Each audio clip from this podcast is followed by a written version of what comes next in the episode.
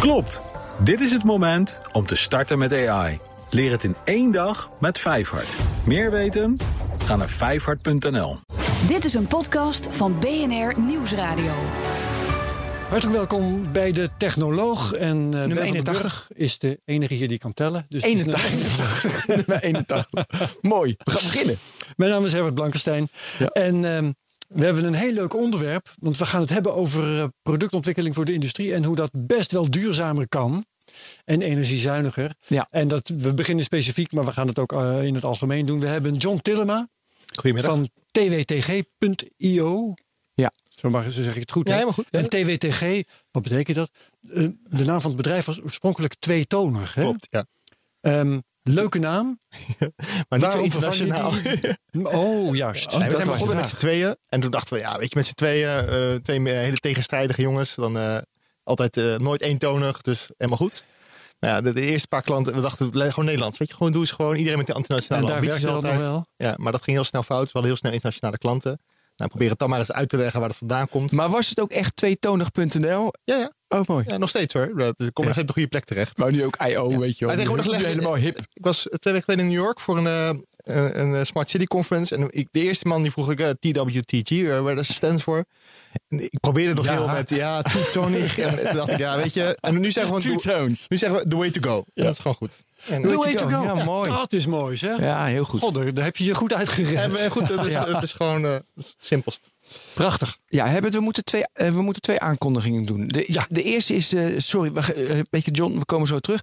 Eerste is de grote Data Podcast Roadshow. En ik heb er net één opgenomen. We hebben ook over de roadmap hebben we van GDPR gehad.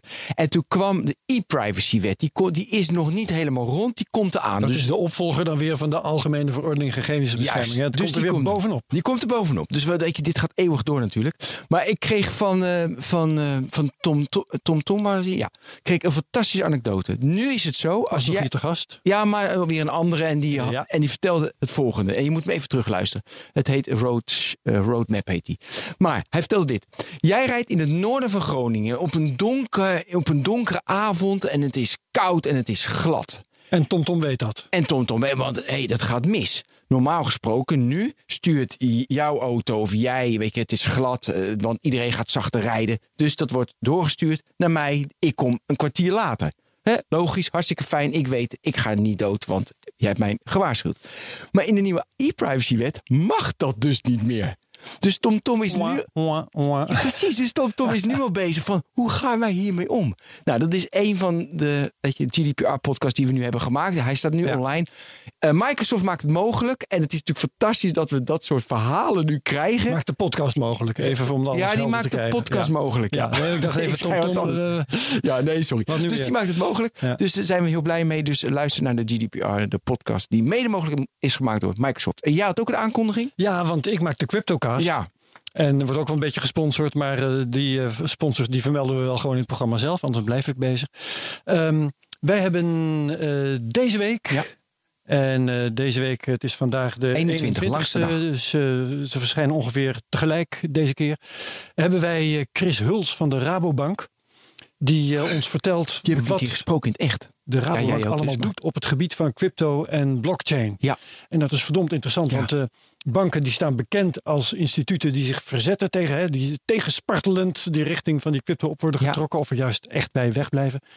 En eh, dat blijkt dus echt mee te vallen, want Ja, ik heb eh, een keer gesproken in Rabobank, het echt. en niet En alleen. Rabobank, moet ik eerlijkheidshalve zeggen, eh, is al sinds 2014 bezig met, eh, met crypto en met blockchain. Om daar eh, toepassingen voor te ontwikkelen Mooi. en om eh, te bedenken Ja. wat ze kunnen doen voor hun klanten op dat gebied. Want die klanten vragen daar echt wel om. Ja. En eh, het is leuk om te horen hoe ver ze daar eigenlijk al mee zijn. Ja. Dat Ga- is in de CryptoCast deze week. Mooi. Ik ga nu een hele flauwe opmerking maken. Maar ik, ik spoel dus altijd mijn podcast 45 seconden door. Als deze aankondigingen komen. En ik ben heel benieuwd wie dat ook heeft gedaan. We gaan beginnen. John, we gaan Nou ja, beginnen. weet je, als je, als je dan 45 seconden en we lullen er nog steeds over, dan ga Ja, je toch denken, heb ik heb iets gemist? Ja, daarom. Terug. Dat is, niet waar. Je hebt eigenlijk Sorry, gemist. Je kan gewoon doorluisteren. Sorry mensen. Oké, Mooi, we hebben hier John Tillema Ja. van TWTG alias Tweetonig. Ja. En ehm, Oh, ja, jullie maken elektronica. Mag ik het zo Ja, ongeveer heerlijk. ja, nee, precies goed. beschrijven? En ehm, We zijn met jullie in contact gekomen omdat jullie best wel op een leuke manier daarmee bezig zijn. Jullie proberen namelijk die elektronica langer te laten leven. En ook, en dat is vreselijk belangrijk in het tijdperk van Internet of Things, om eh, die elektronica met nog veel meer, nog, sorry, nog veel minder energie, nog veel langer te laten eh, meegaan. Ehm, eh, nou, dat, de, elektronica die zijn eigen energie uit de lucht haalt, zo ongeveer. Hè? Ja, dat, eh, dat noemen wij dan slimme elektronica. Dus eigenlijk dat Ja. hele smart dat blijven we hergebruiken en alles moet slim, slim, slim. Maar als je er gewoon heel simpel over nadenkt, ja, waarom niet? Noem eens een voorbeeld.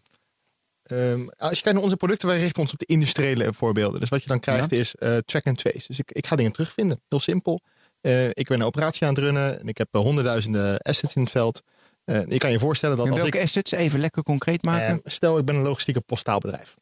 Bijvoorbeeld, een, post, een postbedrijf. een postbedrijf, ja. En ik, ik werk met middelen, emballagemiddelen waar, eh, waar post in gaat. Dus dat zijn eh, zakken en karren en Mhm. kratten, dat soort dingen. En die gebruik ik om mijn post van, van A naar B te brengen.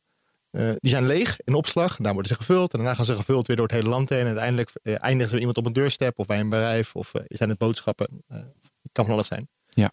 Eh, nu heel vaak weet iemand gewoon helemaal niks. Zeg maar. Het is een papieren briefje wat mee wordt geleverd. Iemand telt het aantal kratten wat ergens in binnen gaan. En, Ja. eh, daar moet je mee doen. En daar raakt er wel eens wat zoek. Dan gaat dingen zoeken. Dan gaat wel eens een vrachtwagen voor niks heen en weer van de de op Schiphol bijvoorbeeld. Bijvoorbeeld. hetzelfde soort Ja, problematiek. op een bloemenveiling. eh, Het zijn allemaal vrachtbrieven nu. Nog steeds? ja, ja, ja. Oké. ja, het is, eh, dit, eh, En zeggen, katten dat is ook een beetje katten bij ons werk, wel zeg maar. waarschijnlijk. wij komen nog wel eens in. Je komt in industrieën dat je eigenlijk denkt dat het al zoveel eh, slimmer kan. Maar Ja. dat je toch, eh, dat valt relatief mee. Zeg maar, Ja, hoeveel- jullie vallen nu en dan van de ene verbazing in de andere. Van, ja, dat, eh, eh, ja, dat maakt, maar dat maakt ons ook eh, relatief makkelijk. Hè? Dus de Ja. business case is vrij snel gemaakt. dan is er heel veel te verbeteren. Ja. Daar kun je Ja. heel veel te doen. Maar we gaan even door met die postzak. Dus Ja, die postzak ja, die staat dan Als jij het nu helemaal niet weet, je hebt een vloot van honderdduizenden, eh, misschien wel miljoenen van die, van die spullen. Eh, je weet helemaal niks. Je hebt geen idee waar ze uithangen. Je, je weet eigenlijk niet eens zeker hoeveel je er hebt. Want ja, eh, tel ze maar. eens, Zeg maar. Het is een beetje als een vogeltelling zeg maar, die één keer per jaar doet. Dan vraag je al je, al je lokale managers, kijk nu eens even uit het raam hoeveel zie je er op dit moment. En dan nou, laten we daar maar een gemiddelde uit nemen. En dat is het. Maar als jij een vrachtwagen met lege middelen van A naar B laat rijden en die komt eraan en het blijkt Ja, wel maar heel veel lege middelen staan. Ik denk even aan die postzak die wordt geleegd. Ja, dat er nog post is, maar goed. Die wordt geleegd. Zo'n zak, gaat in zo'n autootje, heb ik wel eens gezien. En dat wordt, dan in zo, wordt ergens naartoe gebracht. Dat is nog allemaal niet gemeten. Hè? En dan wordt dat gesorteerd automatisch, heb ik wel eens gezien. Ik wil even waar de IoT erin komt. Ja, maar eigenlijk dat- die postzak zelf al, zeg maar. En die postzak gaat bijvoorbeeld in een, in een, in een rolcontainer. Of in een krat. Eh, nou, die- kratten die, die staan overal. Die worden dus gebruikt om in de, met z'n met z'n 20 of met 50 of 100 tegelijk gaan ze in een vrachtauto. En die gaan dan van Utrecht naar Groningen rijden. Eh, maar misschien is het wel veel efficiënter dat die vanaf Rotterdam meteen over een heel dynamische route was gaan. Want er is een, een TomTom. We weten dat er een ongeluk op de snelweg is geweest. Er rijdt de vrachtwagen die kant op. Eh, ik wil graag een andere route aanpakken. Nou, die hele dynamische regels zitten er nu helemaal niet in. Nee, het is heel ja. statisch. En dat wil ik heel graag. Want voor mij is dat heel, heel, veel effi- eh, Ja, dan kan je veel efficiënter. Daarom, de, de besparing is redelijk snel gemaakt. Ja. Zeg maar. En als we dat eenmaal weten, dan kan ik ook veel efficiënter met die dingen omgaan. Dan weet ik, in plaats van dat ik lege containers altijd vanuit Utrecht weer terug naar Rotterdam rij. Misschien staan er nu wel tien bij mijn buurman leeg. En die, nou, die gebruiken we samen. En wat bouw jij nu in die containers? Een tracker, heel simpel. Hoe werkt die? Eh, GPS? Nou, dat, ligt er dus heel, dat is echt. Sommige dingen zijn ook echt secrets of the trade, zeg maar. Mhm. Eh, proprietary. Maar Ja, nee, maar wat zit er allemaal in? Het, het kan we hebben raad over radiotechnieken. Dus waar wij heel veel mee bezig zijn, is dat we eh, van LoRa-technieken tot narrowband, helemaal nieuwe technieken die je nu op T-Mobile en het Vodafone-netwerk krijgt. LoRa is al bijna een huishoudterm, maar dat is long range. Hè? Dus ehm, wifi-achtig, maar dan met groter bereik en lagere energie. En eh, ja. allemaal iets anders, maar bijna hetzelfde. In het hele, en dat is een beetje het mooie van waarom Internet of Things ineens zo'n hype-term geworden is. Er zijn heel veel dingen de laatste jaren gebeurd die dit mogelijk maken. Eh, eigenlijk, als je plat staat, is het inderdaad elektronica-ontwikkeling. Alleen eh, computing power, dus rekenkracht, zeg maar, is veel goedkoper geworden. Kijk naar Raspberry Pi's van 5 dollar, die meer rekenkracht hadden als Apollo-raketten. Eh, sensoren worden kleiner. Die vergelijking altijd. Ja, die blijft Ja, altijd ja, ja, Dus leuk, ja. Kom op, we doen Space radio, Shuttle, Dus ja. laten we wel, wel hashtags bij gooien. Zelfs als een space shuttle al. ja, sowieso. Oh ja. Eh, maar eh, sensoren worden kleiner, eh, accelerometers worden goedkoper, energiezuiniger. batterijdichtheid batterijen worden ook, zeker met elektrische auto's, die tendens. Weet je, dus supercaps worden ontwikkeld daarmee, waardoor we heel mooi tijdelijk energie heel goed kunnen opslaan en daarna heel makkelijk weer kunnen onttrekken om een, een piekbelasting te meten. Eh, mensen die kunnen programmeren zijn er makkelijker dan ooit te vinden, zeg maar, omdat het een steeds meer basisvak wordt. Eh, met Arduino's, eh, wat tegenwoordig, helaas in Nederland nog niet, maar in Engeland is dat tegenwoordig vanaf groep 8 gewoon verplicht dat je daar als klas zeg maar, met een Arduino moet spelen en wat draadjes moet doen. Ja, en een en Arduino, voor wie het niet weet, is een microcontroller. micro. Ja. ja, controle. Ja, Ja, dus ja, eigenlijk echt eh, nog een, een soort ja, een computer zeg maar, heeft al een operating systempje. Dan praat je in de omgeving. Een microcontroller is echt heel low level.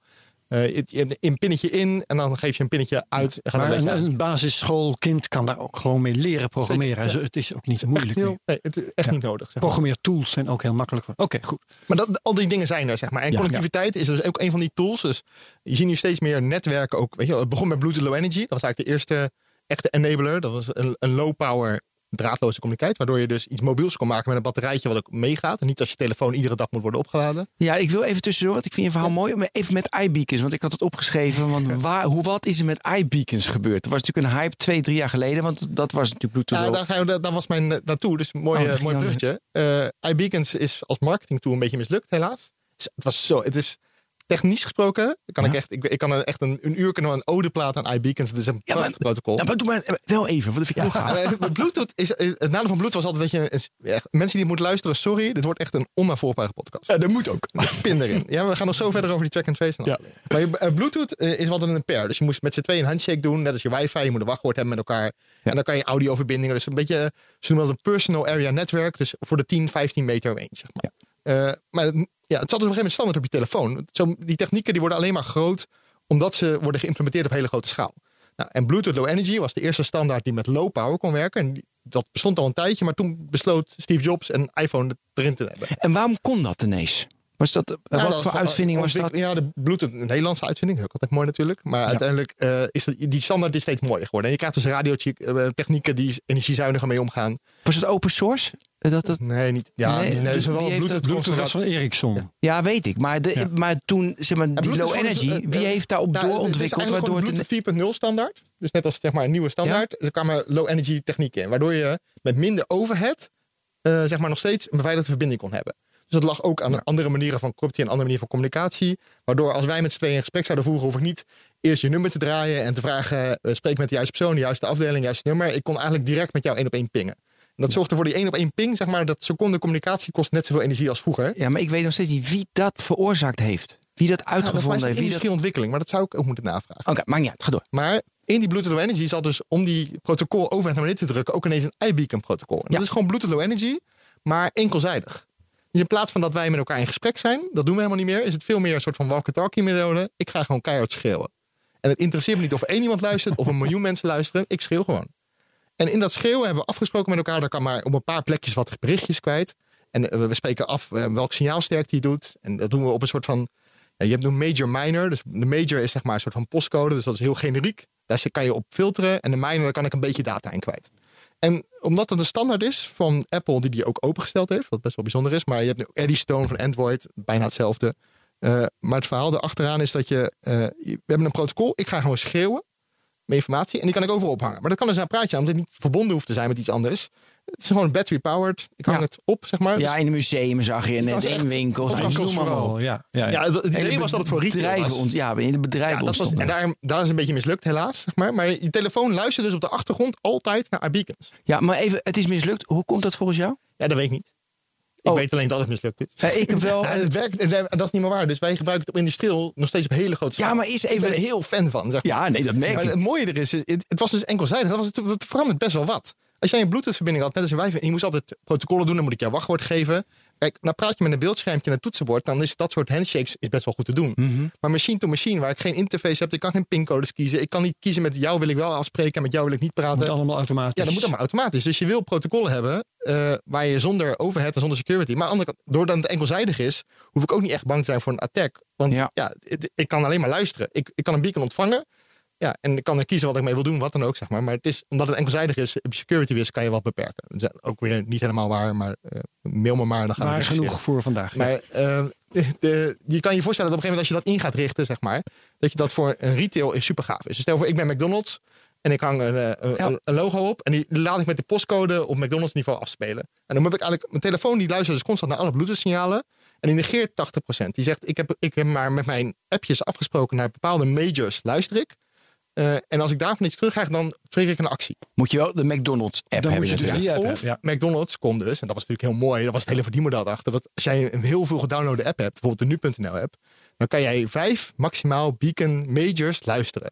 Dus dan kan je zeggen, ik van nu.nl ga een major, ga beaconruimte verhuren. Oh, en dan kunnen ze dat weer verkopen. Ja, ja, ja. En dan kan het de ene Die week heb ik in de markt toch niet zoveel gezien. nou, Dus dat gebeurt in de nu al een beetje. Er zijn bijvoorbeeld nu, en dat is met GDPR super interessant, eh, dat je nu dat gaat doen. Er zijn nu wat, wat start-ups uit Amerika ja, natuurlijk mee bezig.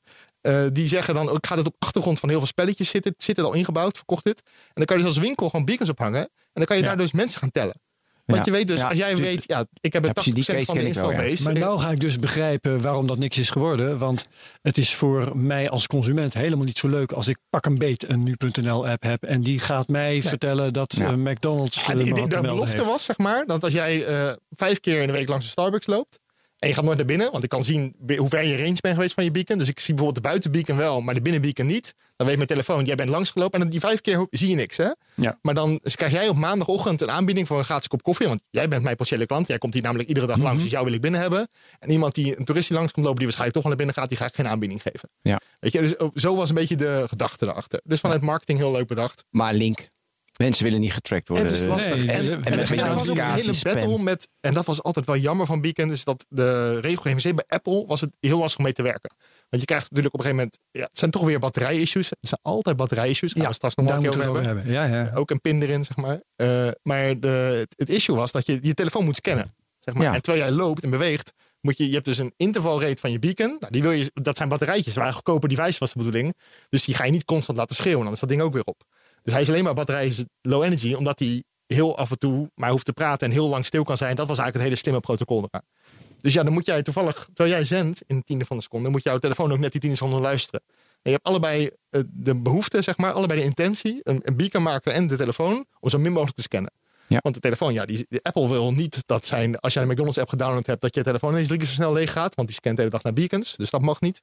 En als ehm device-maker dan heb ik al die mensen beloofd dat ik beacons verkoop en die gaan een jaar mee op een knoopstelbatterij. En volgens na twee maanden zijn ze toch alweer leeg. Ja. Ja, dat gebeurde helaas. En daardoor krijg je een soort mismatch in elkaars eh, principes. Ehm, en daarom op die, in die consumermarkt, het gebeurt nog wel hoor. Jawel, En, ehm, ik zie het ook wel. het, het triggert heel mooi, locatiegebonden, super gaaf. Eh, maar voor ons is het super gaaf op industriële toepassingen. Ja, daar ging Wij willen bijvoorbeeld, stel je voor een industrial site, explosieveilige omgeving. weet je. Nee, maar kunnen we niet even dat, Oh, dat- die case... Ja, ja, we waren, ja, dat doen we straks. Maar, maar maak even die post af. Oké, die post. De postzak. We Nou, waren je hebt de dus postzak gebleven. het voordeel ook van Bluetooth. Oh, sorry. Dat is nog even één ding waarom het zo'n voordeel is. Eh, Bluetooth is zo'n, omdat het zo heel groot ingeïmplementeerd is, zijn die chips zo heerlijk goedkoop. Dat is ook weer gewoon volume. Als jij een of Ja. ander gek protocol doet, daarom is LoRa nog zo aan het beginnen, weet je, die moet eigenlijk nog dat hele hoge volume raden. En zo'n, ja, dat wordt nu steeds goedkoper. Weet je, na twee jaar gaan die chips nu echt wel down in price. Maar Bluetooth is dat zo'n volumeproduct, dat je, het is gewoon niet aan te slepen. Alles heeft Bluetooth. Is dat die radio's heel goedkoop zijn. Ja. Dus als ik iets wil doen, zeg maar, ik wil dus track and trace cases maken en ik wil een- een communicatieprotocol hebben waar ik mee kan werken, zeg maar, wat ik, wat, waar infrastructuur al voor bestaat. Dan kies je niet iets heel geks, dan kies je dus iets waar je op in kan haken wat erop bestaat. Eh, dan is Bluetooth om 2,4 gigahertz super interessant. Want die radio's zijn dus heel goedkoop. Ze zijn low power. Ik kan Ja. protocollen bedenken waarbij ik één iemand maar hoef te zenden. Terwijl 10.000 of 100.000 rolcontainers in één, in één ruimte kunnen luisteren. Dus die hoeven niet allemaal één op één verbindingen te doen. Want nou, stel je voor dat je één gateway hebt. Die moet met 100.000 rolcontainers tegelijk gaan praten. En dan krijg je enorme latency in het systeem. Dat wordt, maakt het heel zwaar. Terwijl, ja, dat hoeft helemaal niet. Want het, het hoeft maar enkelzijdig te zijn. Dus als je daar hele slimme protocollen in bedenkt. Eh, kan je met Bluetooth en het beacon protocol te hijacken, zeg maar. Want is- Mhm. uiteindelijk ben je niet meer echt iBeacon. Maar je gebruikt eigenlijk die manier van communiceren in een industriële toepassing. Ehm, ik werk dat ineens. En dan kan je ook, omdat je dus 2,4 praat en Bluetooth praten, eh, praat je ook met third-party ecosystemen. Dus met smartphones van, de, van alle postbodes. Iedere postbode is ineens een modem voor je. Nou, natuurlijk in een sorteercentrum hangt mijn eigen modem infrastructuur op. Ja, als die postbode gewoon in de auto voorin zit, dan kan die net zo goed een modem zijn voor die 100.000 of 50 rolcontainers die achter hem in zijn vrachtwagen staan. Ik bedoel, hij rijdt er toch en hij Ja. heeft toch zijn ding al aan. Maar dit is theorie, hè? Want in de praktijk ziet, eh, het dus ziet het er nog niet zo uit. Dat Of is wel? praktijk. Ja. Waar? Bij wie? Bij ons in Nederland, in andere landen, in Europa. Gewoon eh, bij PostNL.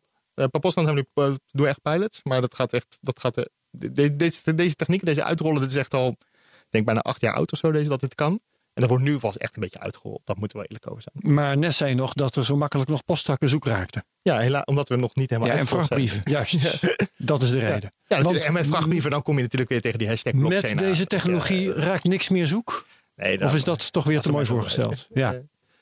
Kijk, als iemand kwaadwillend die weg wil halen, dan is het net als dat ik hem, maar als ik hem vroeger uit het systeem haalde, ik, ik zie de tracker zitten en ik, ik, ik zet- trek hem eraf of ik zet hem uit. Ja, maar dan veronderstel je kwade wil. Ja, maar, dan, nou, maar dat, eh, bij zoveel zoekraken is, is soms kwade wil wel aan de hand, zeg maar. En Dit, dit, Oké, omdat er wat waardevols in die postzak zit. bijvoorbeeld. Eh, kun je Ja. iets vertellen over de implementatie? Want kijk, ehm, de, eh, dus kostreductie, weet je, weet, dus weet je daar iets van? Maar de implementatie lijkt me verschrikkelijk lastig. Om al die processen en die ze willen niet.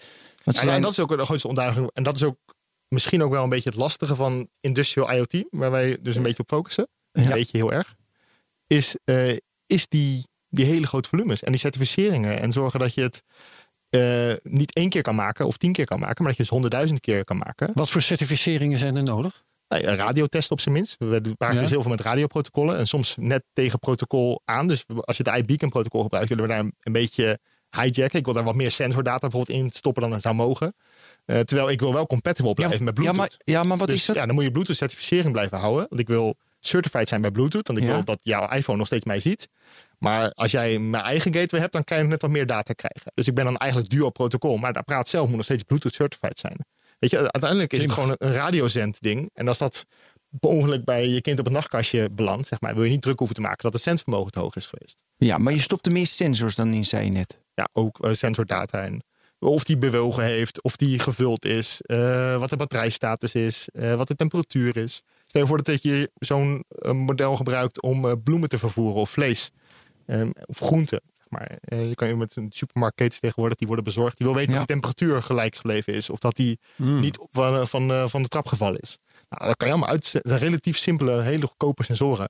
Eh, maar die wil ik ook op diezelfde manier uitlezen, het liefst. Want dan Ja. is het lekker low power. En als je wil weten eh, of de temperatuur gelijk is gebleven en je wil weten dat hij niet van de trap gevallen is, dan moet je dus en een temperatuursensor en een accelerometer erin hebben zitten bijvoorbeeld. Dat moet je allemaal van tevoren aan denken. Ja, dat is het nadeel van hardware. Je kan er niet achteraf nog wat op Nee, eh, ja, ja, ja. Oké. met software Ja. upgraden. Nee. Want Jij wou nog wat vragen? ja, eh, heel erg Want van. we moeten eh, ook nog naar de duurzaamheid en de, weet je wel. Daar Ja, is een goede basis over. dit, zeg maar. Een goede basis. Maar nog even dit. Eh, zeg maar in die business case van. Ik, ik wil weten, dus je hebt. ze- willen ze vaak alleen maar weten de temperatuur en hoeveel besparen ze, eh, en hoeveel besparen ze dan? Het kwijtraken. Ja, ik, ik- ik snap dat je. Dat zou echt geweldig zijn in de wereld als, als de, iedereen dezelfde vraag zou stellen. Dan, dan was het echt een hele leuke business geworden. Eh, dat Maar alles is custom made dan. Wat wij doen wel, ja. En dat is ook meteen waar het probleem tegen gaat komen. En ehm, dat is ook een beetje de challenge nu van IoT, zeg maar. De hardware is lastig. Dat is de, de opstartkosten, wat je zegt, de volume, de certificeringen, maatwerk. Iedere use case heeft echt weer zijn eigen specifics. Ja. En zelfs eh, een temperatuurmeting voor de een is echt wel anders dan de ander. Want ik wil nauwkeurigheid hebben. Eh, ik, als ik ga ik er een certificering, dus stel je voor dat ik er voor de Voedsel- en Warenautoriteit echt een, een melding van moet maken dat ik hiermee de koeling heb gecontroleerd. Dan kan je je voorstellen dat er hele andere acties Mhm. achter zo'n meting hangen. Als dat ik hem gewoon gebruik, staat hij buiten of staat hij binnen? Want dat temperatuurverschil kan je ook meten. Dus het is, ja, dat is heel lastig. En dat zorgt er eigenlijk een beetje voor dat. Als je naar kijkt naar andere technologische stappen, zeg maar. eh, toen alles een beetje met appjes begon te werken, dan, dan kwam die disruptie heel erg van kleine bedrijven. Want die, die konden moven, die zagen dat aankomen. En die huurden twee jongens op een zolderkamer in, die bouwden dat. En hoppakee, gingen de grote jongens uitdagen. Eh, met IoT is dat eigenlijk heel erg lastig. Dan, het bestaat al heel lang, er wordt heel veel over gepraat. En het is altijd dus, ja, maar gebeurt het nou echt? Nou, op industrieel vlak wel, wat grotere volume. Maar je moet het dus hebben van hele grote corporaties die innoveren. Ja, dan stap je meteen waar een hele grote corporatie vaak niet zo heel goed in is, is, is dat innoveren. Dus je moet, de, innovatie moet nu komen van je hele grote partijen, want daar moet je de maatwerk. Er is gewoon eigenlijk niks off the shelf wat lekker werkt. Ja. Dus je moet dan een, een, hele, een heel groot postbedrijf hebben die misschien wel Europees opereert. Of je moet een, eh, een industriële site hebben die eh, de halve Europort bestrijkt, zeg maar. Om maar het volume te halen dat je zegt, daar past maatwerk bij. Nou, daar maken wij dan een 100% fit voor. Weet je, dat doe je samen. En dat, eh, daar, dat kijken we dus heel nauw samen naar de business case. Dat is voor ons hele Maar hoe komen dat soort grote partijen dan jullie op het spoor? Want jullie zijn een klein bedrijf. Ja, nou dat is eh, ja, Hoe groot zijn jullie eigenlijk? 35, 36 man nu. Oh, dat valt me nog mee. Maar oké, hoeveel Maar ja, met zo'n verhaal, weet je. Dan, Ja, maar dit is, Dat is eh, kijk, makkelijk eh, dan? er zijn gewoon niet zo heel veel partijen die doen wat wij doen. Dus als je waarom als- niet? Want ik vind, weet je, de, de, de Omdat het dus echt zo vreselijk moeilijk is. Maar waarom? Ik zou het echt, Nee. We hebben echt de meest moeilijke manier gevonden om ons geld te verdienen. Nee, dat maar, is echt waar. nee, maar kijk, nee, maar, maar, nee, maar waarom? Want de business case voor de PostNL en Ja, voor de, de maar- Mars, noem ze allemaal maar op, ja. zijn heel rond. Ja, maar dat is het probleem. De- Ze en daarom zijn er zo, jullie. als je IoT kijkt, er zijn denk ik wel honderden bedrijven die een proof of concept en een pilot voor kunnen maken. Ja, precies. Maar dat is het leukste. Dan is het een Arduino, Nee, dan dat- soldeer je ja, in elkaar, leuk doosje. Kijk eens wat ik doe, persbericht, foto. Oeh, we zijn innovatief, klaar. Maar nu zegt iemand, nu ga ik er 300.000 willen hebben of 700.000. Die moeten allemaal hetzelfde presteren. Die moeten. 10 jaar opereren. Want ja, mijn dus business case gaat niet in drie weken lopen. Ik moet een investering vooraf doen. En dan praten we ook over investeringen. Dan moet je, vraag je aan zo'n enterprise. Stel dat een sensor nog steeds maar twee tientjes kost. Weet je, dan is het echt low, low cost. Daar zit er communicatie bij. Je sensor Ja. in, je batterij, je security laag, eh, je firmware. Weet je, en ik kan niet. Ik kan En daar moet de standaard in komen. Dus eigenlijk moet je een platform, het wordt verschrikkelijk. Maar je, mo- je moet eigenlijk... Ja, en daar zijn we nog niet in de, in de stappenplan, zeg Ja. maar. Maar we zijn nu dus op het punt dat grote corporates zien, die zien de meerwaarde. Die investeren dus in die honderdduizenden stuks, A, twee tientjes per stuk. Dus die moeten die hele grote business case intern goed praten en dat in de boek krijgen om dat zeg maar over een uitrol te gaan betalen. Ja. En daarmee financieren ze eigenlijk de ontwikkeling. Waarna de volgende, kijk, op het moment dat het product klaar is, dan is er 100% match voor een bepaalde klant. En de volgende klant zegt, ja, ik heb niet de volume om die 100% match te eisen. Ik ben genoeg met 80 of 70%. Ja. En dan kunnen we dus zo'n product, die kan je dan zeggen, ja, je hoeft er nu ook geen 100.000 meer te kopen, want alle certificeringen is al gedaan, de matrijzen zijn al gedaan, de ontwerpen is al gedaan. Als jij er 10.000 koopt, wil ik ook best een productie voor je opstarten. Mhm. Dus de longtail, zeg maar, de kleinere bedrijven, MKB'ers, waar je normaal de disruptie begint, zeg maar, in innovatie, en dat het doorgaat naar de grote, moeten we nu deze innovatie beginnen bij de hele grote jongens. En dat gaat pas eigenlijk de volgende stap is pas de kleinere jongens, zeg maar, die in gaan stappen. Ja. En dan wordt een platform belangrijk. Want dan, die zeggen dan, ja, ik ga ook niet een heel software inrichten of een heel managementplatform erbij. Dus die zeggen, ik wil dan wel een kant-en-klare oplossing. Terwijl als jij maatwerk verwacht, ja, dan, wij zijn een partij, wij leveren alleen de hardware, echt alleen maar de elektronica. Dus je, kiest- vaak kies je je eigen software erbij, eh, je eigen willen integreren in je eigen dashboard, in, je- in je systemen. Dat mag ook, weet je, daar is het maatwerk voor. ja. Dus nu ben je tweetonig. En je hebt dat Twee soort grote opdrachtgevers, IoT-producten ontwikkelen. Ja. En dan merk je, er is behoefte blijkbaar aan eh, apparatuur, aan, aan, aan eh, hardware-oplossingen die langer meegaan. Die zuiniger zijn met energie. Ja, in onze ogen is het niet geen behoefte, het is eigenlijk een noodzaak. Kijk, Ja. eh, als ik zo'n case maak voor een bedrijf en ik zeg, oké, je hebt 300.000 assets in het veld. Ja. Nou, tijdens de pilot heb ik het bewezen, superleuk. Werkt drie weken, drie maanden en dan is het gaaf. Nu gaat iemand de business case en zegt, ja, die rolcontainers vroeger, die gaan 15, misschien 20 jaar mee. Hoe lang kan jouw ding mee? Eh, ja, batterij drie jaar, vier jaar misschien. Betrouwbaar, weet je. Je kan wel zes jaar uitrekenen, maar het is slecht weer. Je hebt soms een maandagochtend extra plaat batterij erbij. En we hebben gewoon uitgerekend, als jij 98% of 97% van je fleet gevuld hebt, zeg maar actief, dan heb je de, de benefits waar je de business case op bouwt. Op het moment dat je dus meer dan 3, 4% uitval hebt, dan, dan valt je benefits uit. Dus ja, je kan niet, als ik zeg maar dus een slechte batterij, wat 5% van mijn batch kan zijn, dan, dan kan je dus maar voor vier jaar rekenen. Allemaal dat soort rekensommen komen naar boven.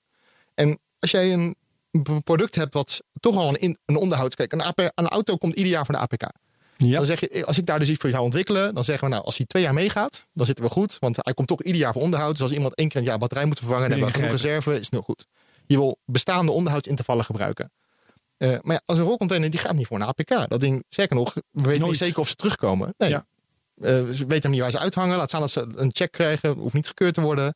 Als ik daar dan tegen En is zeker niet meer waar ze uithangen als die eh, IoT gaat falen. Nee, nee zeker Nou ja, niet. hebt Nee, toch- dan helemaal niet meer zelfs. Dus wat je dan nee, gaat krijgen is, dan moet ik onderhouds in gaan bouwen in een product wat vroeger geen onderhoud was. Nou, dan is die business case gaat heel snel kapot. Ja. Dus voordat je daarmee begint, moet je eigenlijk gaan zeggen, nou, ik moet dus mee in de onderhoudsinterval die er is, een non-existing interval. Dus dan moet ik gaan rekenen, wat is mijn business case, wat is mijn terug- terugverdientijd, wat is mijn upside. Nou, dan kijk je naar klanten, dan moet het 10, 15 jaar gaan opereren. Ja. Nou, dan kan je niet meer uitgaan van een domme, domme Nee. approach waarvan je zegt, eh, stop maar Dus dan moet je gaan kijken, waar kan ik die levensduur verlengen? En wat zijn dan de punten waar je kunt scoren? Ja. Nou, en dan energie is dus vaak het haakje. Nou, zo zijn wij vorig jaar in- met elkaar in contact gekomen. Eh, Ja. We hebben, hebben het over Trist. Het is bij ons een module. Gewoon een naam, geeft maar eens een naam. Maar die heel efficiënt met energy harvesting omgaat. Energy harvesting, voordat je het gaat vragen, eh, is oogsten van, eh, oogsten van energie uit je omgeving. Dat Ja. kan op heel veel manieren. Ehm, een zonnepaneel op je dak is niet anders. Eh, en dat, dat gebruiken we in deze techniek eigenlijk ook. Maar het kan ook uit radio eh, golven. Het kan uit temperatuur. Het kan gewoon uit beweging. En net als vroeger je knijpkat op je camping die je opwond, zeg maar. Is ook energy harvesting. Je deed een ronddraaien, dynamo van je fiets. Ronddraaien, beweging. Je genereert er energie uit en dan doe je wat mee. Maar toch wil ik straks wel heel precies weten wat, op wat voor manier je die energy har- harvesting kunt doen en wat de principes zijn. Nou, dat, dat is ook goed. Daar, Ja. daar kunnen we op induiken. En, en, die energy harvesting gebeurt nu ook heel veel mee. Er zijn, eh, ook daar is weer zo'n net zo'n containerbegrip als IoT. Je hebt mensen die zijn heel goed in eh, het bij elkaar brengen. Dus in toepassing gestuurd. Sommigen zijn heel goed in alleen het chipje ervan. Dus je hebt, op energy harvesting heb je eigenlijk altijd drie componenten. Het energieopwekkende deel. Dus dat kan een zonnecel zijn, dus een fotovijandelijk uh, cel, zeg maar. Dus iets wat licht uh, Mhm. omzet in energie. Ja. Eh, dat kan, wij houden dus heel van dat ze bij heel low light werken. Want in verschillende omgevingen kan ik niet vanuit gaan van bijvoorbeeld daglicht. Maar in een kantooromgeving, of misschien zelfs onder je bureau. Want als die daar werkt, nou, dan werkt hij eigenlijk Dus een overal wel. zonnecel die zelfs werkt in eh, waar, waar wij nu zitten, gewoon Ja. een beetje Dus kunstlicht. dan gaat je over hele Hooguit. hoog nauwkeurige zonnecellen praten. Die eh, op heel weinig energie maar nodig hebben. Maar het nadeel daarvan van die zonnecellen is weer... is als je heel veel infraroodlicht geeft, dan degraderen ze weer sneller. Oh jee. Dus daar moet je ook mee omgaan. Nou, dat is de voorkant. Maar dat kan ook net zo goed een hitte-element zijn. Of een, eh, een spoel met een magneet doorheen beweegt. Die, die trillingen omzet in energie. Of een dynamo. Eh, Dus je hebt echt een heel dat, assortiment ja, dat is de aan energieopwekkende kant. energiebronnen. Ja, dat, drie, dat zijn ja. heel veel dingen. Ja. Ja, dat is heel. Ja. Nou, wat je in het midden hebt is een, energy harvesting eigenlijk de IC, dus een microcontroller. Dat is eigenlijk de schakeling. En die gaan, want vaak de harvest deze dingen maar heel weinig energie, echt 0,1 volt of zo, weet je, echt, echt minis. Maar dat, dat is vaak genoeg, zeg maar. Maar dan moet iemand moet het opboosten, want dat circuitje rijdt misschien op 3 volt. En ik moet het dus heel, heel hoog omhoog plaatsen. Of die gaan moet heel efficiënt daarmee omgaan, zeg maar. En een normale power-omvormer gebruikt uit zichzelf al veel te veel energie, kan je maar niet gebruiken. Dus er is een enorme race van bedrijfjes eh, die dit zeg maar heel goed doen. Nou, in Delft hebben we nu Naui, nou, die doen het supergoed. Voor Nederlands begrippen, weet je, een start-upje, top. Maar je hebt eh EP's in België zitten, maar Texas Instruments is van oudsher hier een hele goede in. Dus het is een race van kleins en Bestaan die groot. nog zeg? Ja, nog. van de rekenmachines. Ja. Eh, en, maar dat is de ene kant. En de andere kant wat je dan hebt is meer energieopslag. Want uiteindelijk heb je het dan geharvest. En je hebt het omgevormd. Maar ja, Ja. als jij de hele dag energie staat te verzamelen met een zonnecelletje. Met hele kleine druppeltjes. Op een gegeven moment vul je daarmee zeg maar een emmertje. En dan, nou, dat doe je dan drie seconden. Drink je dat weer leeg als je even snel een meting doet. En daarna ga je weer de hele dag wachten tot die volgedruppeld is. Maar dat opslagje, nou, dat wordt ook steeds handiger. Dat zijn dus die supercapacitors waar ik net even over had. Supercaps. Ja. Die komen dan allemaal Die, elektrische aan auto's de ene weer. kant wil je ze zo groot mogelijk hebben, want dan kun je er veel energie in kwijt. Aan de andere kant wil je ze zo klein mogelijk hebben, want dan zijn ze goedkoper. Precies. En nemen ze minder plaats in en wat niet allemaal. Ja, en ook weer, eh, als je die bijvoorbeeld helemaal vol oplaadt en helemaal leeg trekt, dan gaan ze niet zo heel lang mee. Dus ik wil ze eigenlijk maar voor 40% altijd gebruiken. Krijg je dat weer. Ja, ook weer. Eh, dus dat is een probleem. Eh, een normale oplaadbare batterij zijn bijvoorbeeld zijn vreselijk in volume, dichtheid en energiedichtheid. Dus je hebt heel hoog volume, dat wil je ook niet hebben. En het opladen van die batterij zijn soms ook vreselijk. En die kunnen niet zo goed tegen piekontlasting als je weer een berichtje stuurt. Dus we hebben nu bijvoorbeeld radiotechnieken. Sommige daarvan gebruiken een enorme piekstroom. Zeg maar. Dus heb je maar een paar milliseconden, maar een heel hoog ontladingspotentieel. Maar dan moet ik dus, je ziet het als zeg maar, ik ben dus de hele dag aan het druppelen geweest van emmer. En dan moet ik eigenlijk die hele emmer in, een- in een microseconde leeg kunnen trekken. Nou, niet iedere batterij vindt dat leuk, zeg maar sommigen gaan er gewoon intern kapot van. Dus je moet ook weer een systeem ontwikkelen die dus heel snel die energie kon trekken. Nou, voor energy harvesting moet je dus eigenlijk verstand hebben van alle drie. Nou, en wij zijn ja, op dat niveau zeg maar meer een integrator als een echt ontwikkelaar. Dus wij kijken niet, Ja. wij maken niet zo'n IC'tje. Dat is voor Nee, ons, dat je gaat kijkt wat is, er, wat is er verkrijgbaar en dan kies je de Wij kijken naar de optimale combinatie. match van dat Juist. soort componenten. En wat dan ook heel goed past bij ja, de energiefootprint, zeg maar, of het energiebudget van de sensor in zijn algemeen die we ontwikkelen. Ja. Dus ik heb een, een En wat energie- kan de omgeving leveren waar het in Ja. moet functioneren? En die moeten met elkaar in. in en als dat goed genoeg klopt en er met genoeg veiligheidsmarge berekend, dan hebben we er vertrouwen aan. Als ik een oplossing op die manier maak naar een klant, dat die 10, 15 jaar mee kan gaan. Ja. En dan kan het ding misschien in theorie wel 40 jaar meegaan, maar ook daar moet je. Dan wordt het eigenlijk ga je kijken naar economische levensduur en niet meer aan technische levensduur. En dan, als we dat gesprek aan het doen zijn, dan hebben wij gewonnen. Want dan hebben we namelijk het goede gezegd. Dan zijn we niet meer aan het kijken wat is de houdbaarheid van die techniek, wat, wanneer is die kapot, maar veel meer wanneer is het voor jou nuttig om te vervangen of te verplaatsen. Kunnen we nou eens over een, een voorbeeld praten? Want eh, ik weet niet of jij mag praten over dingen die je voor klanten gedaan hebt, maar dat zou wel erg handig zijn. Als je ons nu kunt vertellen, neem nou dit, daar, hebben we, daar halen we op deze manier de energie eruit. Die gieten we in dat eh, eh, opslagmediummetje en dat wordt dan zo Ja, vaak... dat daarom was Tris zo leuk, zeg maar, wat we vorig jaar niet zeiden. En daarom, ik ga dat als voorbeeld nemen. Ja? Dat is, ehm, wij werken Hoe heet dat nogmaals? Trist. T-R-Y-S-T. T-R-I-S-T. Y. T-R-Y-S-T. Maar eh, het is een module. En wat we eigenlijk daar gedaan hebben, eh, inmiddels ook helemaal gepatenteerd, is dat het een, ehm, een combinatie is van die drie factoren bij elkaar, maar als één bouwbleekje, als een Lego-blokje. Eh, maar op zo'n manier geoptimaliseerd met elkaar dat het eigenlijk niet zo heel erg uitmaakt wat je daar volgens aan hangt. We hebben het wat modulairder gemaakt. Ja. Overigens, waar, dit, waar we dit eerder besproken hebben, was in BNR Digitaal, volgens mij, Ja, niet klopt, in deze podcast. Nee, je hebt gelijk, sorry. Maar goed, ga verder. Gewoon bij jou toch? Bij mij. Eh, wat, wat daar mooi aan is, is dat je op een gegeven moment dus niet meer als engineer. Dat, dat is een beetje. Kijk, wij moeten in hele hoge volumes denken. Dat is het werk wat we doen. En dat zijn die grote corporates. Daarom is het zo moeilijk om daar hele goede voorbeelden te geven. Want het zijn die hele grote bedrijven. En nou ja, de, de belangen zijn gewoon iets te groot. Ja. Wij zijn maar met 30, 35 man. Als die achter me aankomen, heb ik helemaal verloren. niet luisteren allemaal. Dus eh, wat we nu wat we doen is, dat we, wij kijken naar eigen producten. Ik wil eigenlijk juist, het liefst zou ik ook hebben dat we in kleinere volumes net zo efficiënt kunnen doen als die grotere volumes. Kon je leukere opdrachten eh, aannemen. Ja, maar die maakt het makkelijker voor iedereen. Het, eh, weet je, het klinkt misschien niet de meest commerciële, maar dat, dat is het natuurlijk wel. Want als ik bouwblokjes verkoop, is het net zo interessant als eindoplossingen. Maar, nee, maar goed, je hebt, tri- eh, dus, je hebt Trist gemaakt voor een klant. ja, het- ja, Trist is begonnen voor een klant. Die- Ja, je, moet- je ja. moet nog even duidelijk uitleggen wat het is. Oké. ja. Eh, we nemen gewoon weer de, de track and trace van Laten we even daarin blijven. Eh, die dingen moeten dus 10, 15 jaar meegaan. Nou, met de batterijen ging het niet lukken. De techniek was dus eigenlijk, de techniekstack was eigenlijk in twee weken bewezen. Proof of concept erbij, maar daarna in de koelkast gegaan. Want er was geen oplossing om die batterij toen te vervangen. Nou, dat blijft dan knagen. Dat kan ik dan gewoon niet hebben als bedrijf. Zeg maar. Dat, dan stoppen er mijn eigen tijd in. Je, maak je mij niet wijs dat er niet genoeg energie in de wereld is. Nee, belachelijk. Punt. Ja. Eh, nou, dan ga je zoeken. Dan moet je vinden. Dat kost een jaar om dat uit te gewoon ruw. Maar uiteindelijk is daar dus een bouwblokje uitgekomen. eh, wat eigenlijk als een soort van batterij op je systeem geplaatst kan worden. Dus net als dat je als een engineer, zeg maar, point of view, ontwikkel ik nu een, een systeem voor een bepaalde type batterij.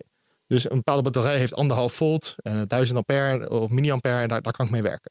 Nou goed, eh, die, die match maak ik, zeg maar, en dan ik zorg ervoor dat ik daarmee omga. Maar even voor mijn begrip, die beacon zit in die postencontainer en daar doe je nu, het is donker in de container, maar, even, ja. maar die zit even buiten, daar zit een lichtontvanger op. Ja, daar hebben we eigenlijk een, in plaats van een normale batterij, heb ik er een, een zonnecelletje Ja. ehm, met een, eh, een kleine energy harvesting IC op tussen geplaatst en een tijdelijke opslag. Ja.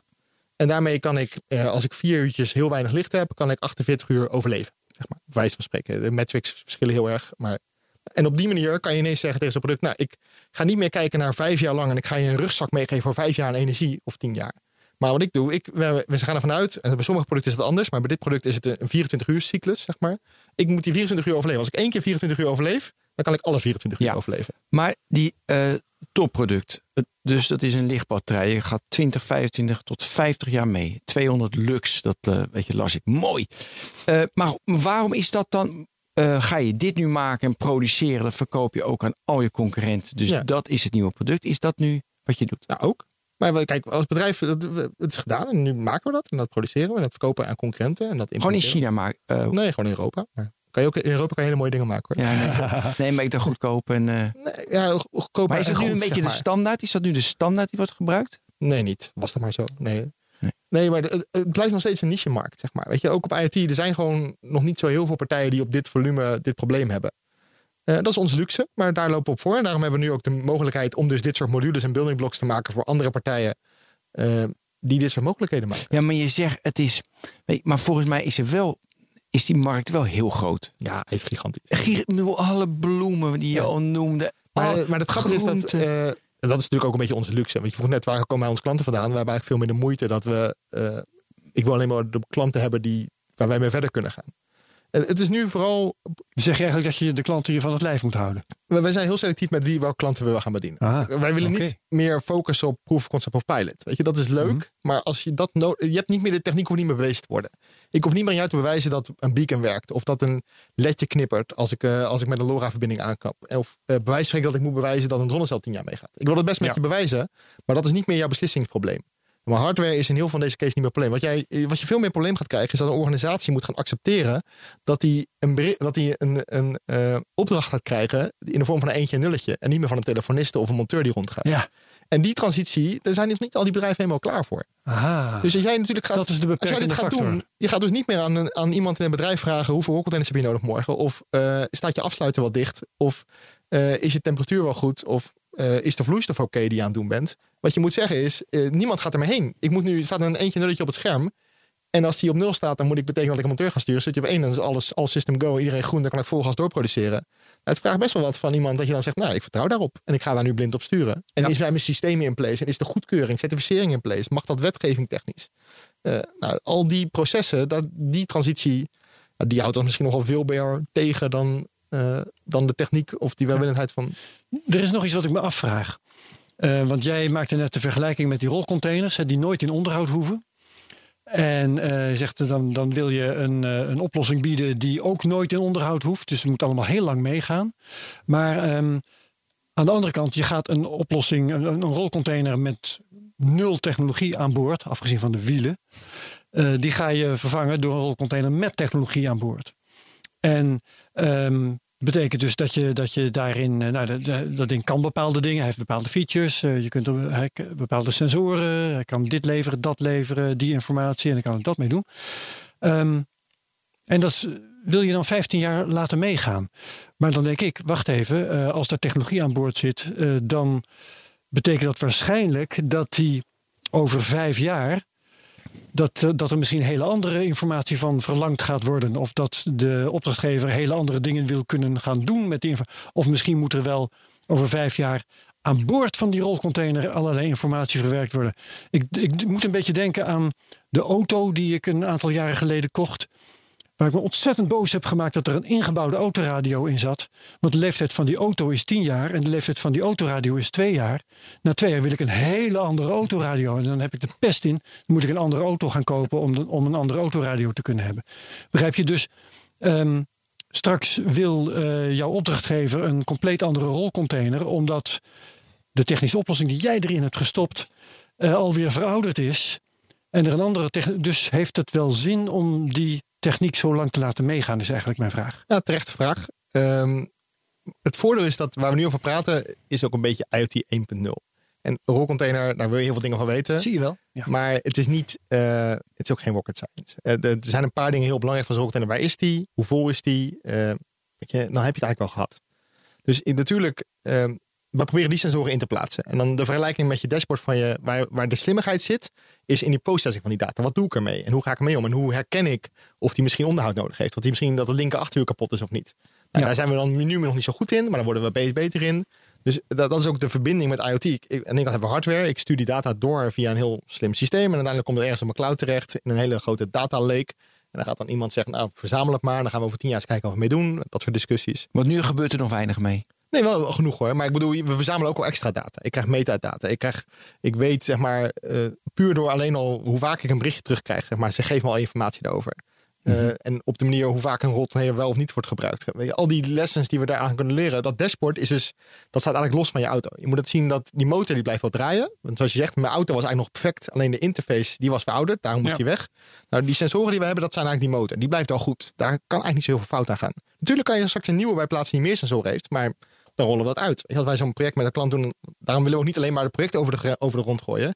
Ik wil zorgen dat de, als het misschien in de 10 of 15 jaar dat je het blijft gebruiken, zijn er misschien wel drie versies. Je wil het ook blijven begeleiden. Ja, en firmware, firmware updates blijven gewoon spelen. Ik kan gewoon een firmware update naar dit soort trackers sturen. Geen probleem. Aha, Ja, maar wat ja. ik eh, met die data doe, hoe ik hem interpreteer en hoe ik hem aan jou presenteer, is dat alleen een, een Nederlandse kaart met puntjes waar ze staan. Of dat ik op een gegeven moment tegen jou gewoon zeg alleen maar groen licht, want ik regel met een compleet algoritme hoe die vrachtwagens rijden. Ik heb helemaal maar één persoon nodig in plaats van 40 man. Ja, dat zijn, daar zit heel veel ontwikkeling. Maar dat blijft gewoon doorontwikkelen. We koppelen eigenlijk het dashboard en jouw autoradio dus los van die motor. En eh, dat is het IoT. We knippen, er zit een draadloze communicatie tussen. En ja, die cloud-ontwikkelingen gaan ook knijtersnel. Eh daar, willen we ook, daar werken we ook heel nauw mee samen met machine learning en al die andere hashtags. We zijn ook heel bewust dat we daar intern, we zeggen er geen verstand van hebben. Stiekem hebben we jongens die daar wel wat verder in gaan. Maar we zijn die- duidelijk niet die jongens die dat voor jou ontwikkelen. Weet je, we, we proberen, de, wij schoenmaker blijft bij je leest. Wij richten ons op die sensoren. Als die werken, als die kloppen en betrouwbaar blijven. Een temperatuursensor blijft een temperatuursensor. Als ik zorg dat die geëikt blijft en dat die werkt in de range die voor jou belangrijk is. Heeft ook in principe het eeuwige leven? Een hele andere discussie. Oh, nou ja. Goed. in principe, eh, ja. Kijk, eh, een, een- uiteindelijk gaat die gaat Want als, je, sensor als kan, de energievoorziening kalibreren. 20 jaar meegaat, dan wil je natuurlijk ook dat datgene wat de energie krijgt ook Tuurlijk, 20 het jaar is, een, meegaat. het is een ketting met schakels. En Ja. als één iemand niet met zwak schakel is, is de volgende weer de zwakke schakel. En eh, sommige sensoren zijn echt niet eeuwig leven. En, maar op een gegeven moment ga je ook, de printplaat gaat corroderen. Eh, Ja. Weet je, je gaat een magnetische straling in iets ding krijgen. Eh, Natuurlijk gaan de condensator op een gegeven moment heb je die zo vaak op en leeg gedraaid dat de capaciteit naar beneden gaat. Eh, ja, en ook daar kijken we dan weer naar. Hè. Hoe kan ik zo'n sensor helemaal inpakken dat hij niet meer corrodeert? Eh, en, Ja, het- het- het Maar is natuurlijk ook dat je niet dat onderdeel gaat verbeteren dat helemaal geen verbetering nodig heeft, omdat de rest korter meegaat. Klopt. Dus en daar moet een balans in gevonden worden. En dat Ja, is een beetje onze challenge. Ja, je vertelde firmware update, maar net vertelde je met die, eh, de, de- met die beacons één kant op. Dus Ja, dat is een beetje het hijacken van zo'n protocol. We gebruiken de hele dag door. ehm, dat is misschien ook wel leuk om te zeggen. Als je naar kijkt naar de energy harvesting, we praten eigenlijk hier over drie componenten. Maar dat is eigenlijk alleen het verzamelen. Maar als je zo'n apparaat wil laten werken met een flexibele hoeveelheid energie, moet je dus ook een soort van flexibele firmware schrijven. Zie het een beetje als een mens. Eh, als jij heel veel hebt gegeten en veel energie, dan ga je hardlopen en dan doe je allemaal dingen. Heb je een, een dagje ben je wat minder, ga je op de bank hangen. Nou, deze sensoren zijn een beetje hetzelfde. Als ze heel weinig energie hebben gehad, dan doet hij alleen maar zichzelf lokaliseren. Doet hij gewoon één weg luisteren, that's it. En dan, de rest, dan is het wel een goede dag geweest. Ja. Heeft hij de hele dag lekker veel energie gehad, heeft hij over. Denkt hij, nou, ik kan mijn taak wel vier keer doen. En dan ga ik de volgende op de lijst doen. Dat is, ja, ik ga eens eventjes in de- in buurt kijken. Welke containers staan eigenlijk bij mij naast me? Dat is ook leuk om te weten. Dan ga ik dat eens een keer als extra data sturen. Ja, als ik dat gedaan, dan ga ik wat het volgende. hey, een firmware update. Nou, dat heb ik al lang niet meer gedaan. Ik ga eens even kijken of de firmware update voor me klaar staat.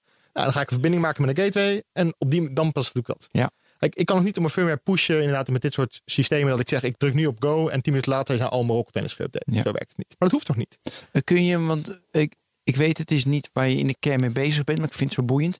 Over dat er zeg maar één chauffeur die rijdt rond. Nee, het is nu 40, maar je ziet, je kan het optimaliseren door alle data die je hebt. En is het maar één. Heb je daar een voorbeeld van? Eh, Uber is altijd het vaste voorbeeld. Heb je daar zelf nog een ander voorbeeld van?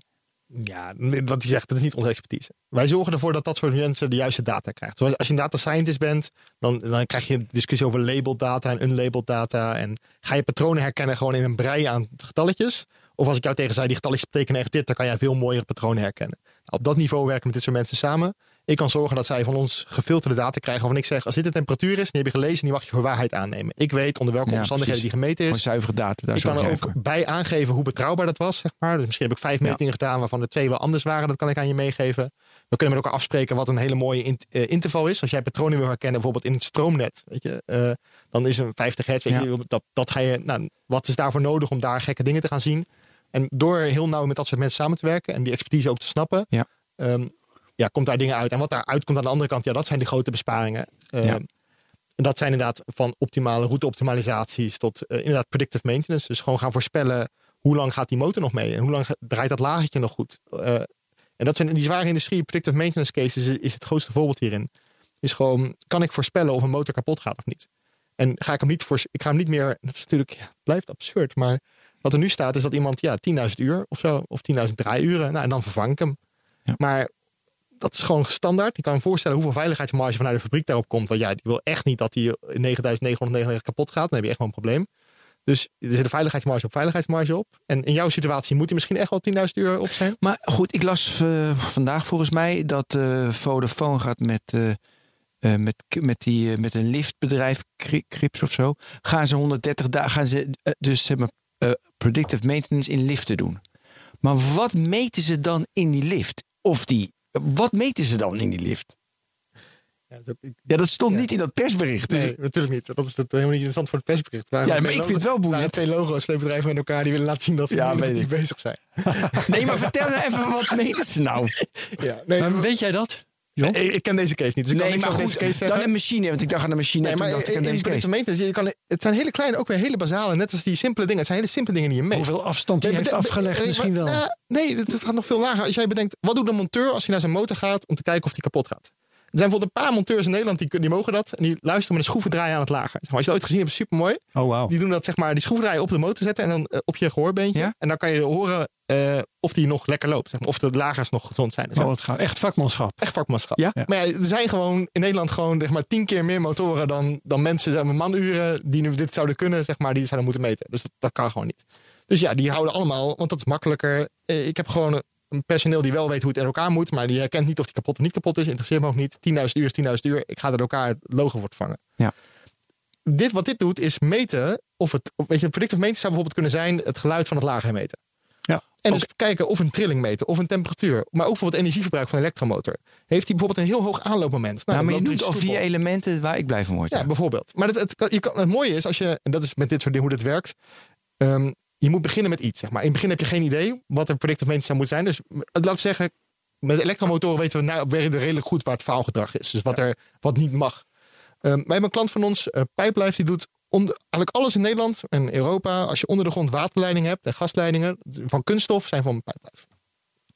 Maar Pijplijf, die, die, die heeft aan waterbedrijven. En als je een waterbedrijf vraagt en jij in je woonstraat hebt, zeg maar, er ligt een waterleiding. eh, weet je, die wil eigenlijk weten wanneer knalt die. Ja. Een hele, hele logische vraag. Zeg maar. Het voordeel is, vroeger was nog wel eens de vraag waar lekt die met metalen leidingen. Met een PVC-leiding, als, je, als die lekt, zeg maar, dan, dan weet je wel waar die lekt. Want dan scheurt hij over 100 meter open. Dan dat is redelijk makkelijk te vinden. Lekt die gewoon overal. Ja, dat, dat is, eh, de locatie is niet zo issue. Maar je wil eigenlijk weten waarom dit gebeurt. En onder welke omstandigheden. Nou, dat is de eerste vraag, zeg maar, als je dan dynamische modellen gaat maken. Want ik- je gaat een rekenmodel maken. Dan ga je dat faalgedrag voorspellen. En uiteindelijk komt daar bijvoorbeeld één indicator uit. Dat bijvoorbeeld een uur of een dag voordat het barst, loopt de druk bijvoorbeeld heel even hoog op. Dat zou kunnen uit zo'n dynamisch model. Dus dan zeg je, nou, dan plaats ik alleen een druksensor, want dat is een relatief goedkope sensor. En als ik die overal plaats, dan is dat mijn indicator dat die goed werkt. Weet je, dat is een beetje vergelijkbaar met ons lichaam. We meten maar een paar vitale punten. Als ik naar je temperatuur kijk, kan ik zien of je ziek bent. Ik hoef niet allemaal bloeduitstrijkjes voor te doen. Die 40 graden koorts zeg maar genoeg. Nou, dat is hetzelfde met zo'n installatie. In predictive maintenance ook. Ik kan alles doen. Ik kan met röntgenfoto's in zo'n lager kijken. Ik kan eh 500 sensoren aan een waterleiding hangen. Maar op een gegeven moment is één indicator Dus genoeg. het is eigenlijk de eenvoudigste meting Ja, die de je betrouwbaarste en gaan doen, die ga je doen. Ja, Maar dan moet je dus wel een dynamisch model hebben om te weten wat dat foutdag is. Nou, in die waterleiding is dat niet. Zeg maar. Ik sterker nog, als ik aan een waterleiding vraag welke kant stroomt het water op in de luis, gewoon in mijn woonstraat, of het gaat naar links of naar rechts. Lijkt me een hele triviale vraag. Is dat een hele moeilijk te beantwoorden vraag. nou, dat geeft wel aan dat, dat dat soort industrieën, voordat je daar dus, zeg maar, voordat we op de plek zijn van machine learning en predictive maintenance en eigenlijk IoT, dus voordat ik honderdduizenden druksensoren, of misschien is het druk, misschien is het wel flow, misschien is het wel temperatuur, misschien is het wel verschuiving, trilling, ik weet het niet, eh, dat eruit kunnen gaan rullen, dat we voordat we die indicator gevonden hebben, moeten we eerst nulmetingen doen. Dus wat we nu aan het doen zijn met zo'n bedrijf, is dat we eh koppelingen hebben die vol zitten met sensoren, echt alles wat je maar kan bedenken. Eh, en die rollen we uit in het gebied. En ja, ik hoop stiekem dat daar dan een dat gaat gebeuren. ja. Dat, dat, dat, eh, de kans is heel erg klein. Want Dus je, knalt eerst alle sensoren erin die je gaan hebt om intake- uit te zoeken wat eigenlijk de sensor is waar je iets aan hebt. Zie je het als een intake, zeg maar zoals een dokter bij je zou doen. Waar je eenmaal aan de ECG hangen, een zuurstof erin. En ik ga je stress testen. En ik ga doen. Ik ga je een jaar lang helemaal monitoren. En op een gegeven moment heb ik zoveel data van jou. Dat ik op een gegeven moment zeg, hé, hey, daar zie ik een correlatie. Dat is ons puntje. En dat kan één, twee of drie punten zijn. Maar eh, ja. En dus dat, dat noemen we de big data acquisitiefase. Dus de Ja. eerste fase gaan we heel veel big data verzamelen. En dat is een soort intake. Dat is echt de, ja, de simpelste kant. En als je dat gedaan hebt, daarna ben je pas klaar om de volgende stap te gaan doen. Dus er zit nog in die samenwerkingsgebieden, daarom is dat zo spannend. eh, moet je dan dus heel nauw samenwerken met z'n data scientists. Maar als je, als je in zo'n vroeg stadium al met een bedrijf samenwerkt, dan moet zo'n bedrijf er eh, eigenlijk al met- nu al van overtuigd zijn dat jullie een hele hoop voor ze kunnen gaan verdienen. Ja, dat, eh, dat hoop ik wel voor ze. Ja. Ja, nee, maar dat is, dat is dan blijkbaar het geval. Ja. ja. Ehm, Maar dat, je- dit geeft ook alweer aan waarom het zo moeilijk is om deze markt met een als disruptor, als tweeman start-upje, zeg maar, daar een heel verschil in te maken. Ja. Zeg maar, de toegang tot, tot alleen al die data, of tot het kunnen vergaren van die data en de kapitaal die daarbij komt kijken, dat is zo lastig. Eh, Ja. Maar kun jij, kun jij een indruk geven? Ik, ik snap wel dat het een hele moeilijke vraag is, want hij is ook heel vaag. Oh nee, niet Wat je kunt verdienen voor een bedrijf? Ik dacht dat je ging vragen wat kost het. Nog erger. Wordt het- Nee, gewoon meteen, Eh, meteen veel? kosten. Ja, dat ligt heel erg aan wat, wat een operatie. Kijk, en dan, daarom zie je ook de type klanten waar, waar IoT het meest tractie krijgt. Zijn die klanten die nu het hoogste operationele kosten hebben. Ja. ja dus eh, dat heeft daar gewoon mee te maken. We gaan niet werken in een, in een sector die al met, eh, waar, niks te verdienen is. En wat alles super efficiënt voorbeeld neemt. Ja, bijvoorbeeld. Ja. Eh, da- daar gaan veel middelen, veel, ja, heel veel handelingen. Dus eh, veel mensenhandelingen nog. eh, Vrachtwagens op moeilijke tijden. eh, Ja. Met snelle doorlooptijden. Dus allemaal heel lastig. Nou, als je daar magazijnen natuurlijk ook. Over veel vierkante meters.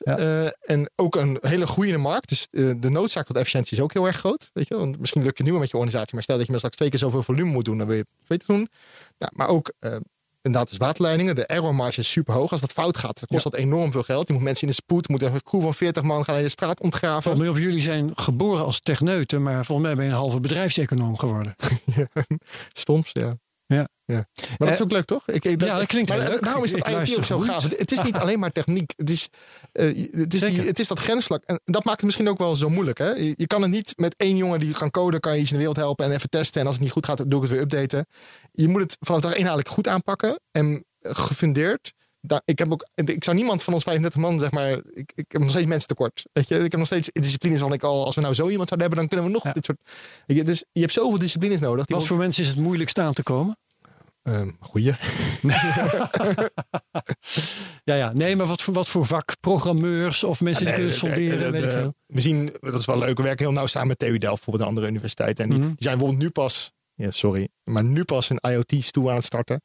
Weet je? Ah. En, eh, dus dat, dat komt allemaal wel. En En wat heb je allemaal nodig? Ik bedoel, goede mensen. Maar wat, wat houdt het nu nog tegen? Wat is een beperkende factor? ja, wat zijn de oh, beperkingen? nee, dat, echt nul. Daarom kunnen we ook zo hard groeien, relatief. zeg ja, maar goed, een beetje, ik Nee, zie maar nog... de, de, de beperkende factor is, ja, kijk, dit is niet iets, als ik nu een klant tegen me zeg, we gaan dit doen, dat het drie weken later live is, dan kan ik de volgende bedienen. Als we nu zeggen, we gaan het doen, dan kan Ja, het maar dat geldt voor jou. zijn of zo. Maar, maar voor mij is het van dat IoT eh, in, de, eh, in de industrie nog niet wijd verbreid is. Dat het nog niet, weet je, het zit nog in een fase dat ja, we proberen. Het is niet dat iedere container in de wereld en iedere fiets die in China wordt geproduceerd en ieder postpakket wordt gevolgd. Of dat zit IoT, of iedere waterleiding, gasleiding, noem maar op.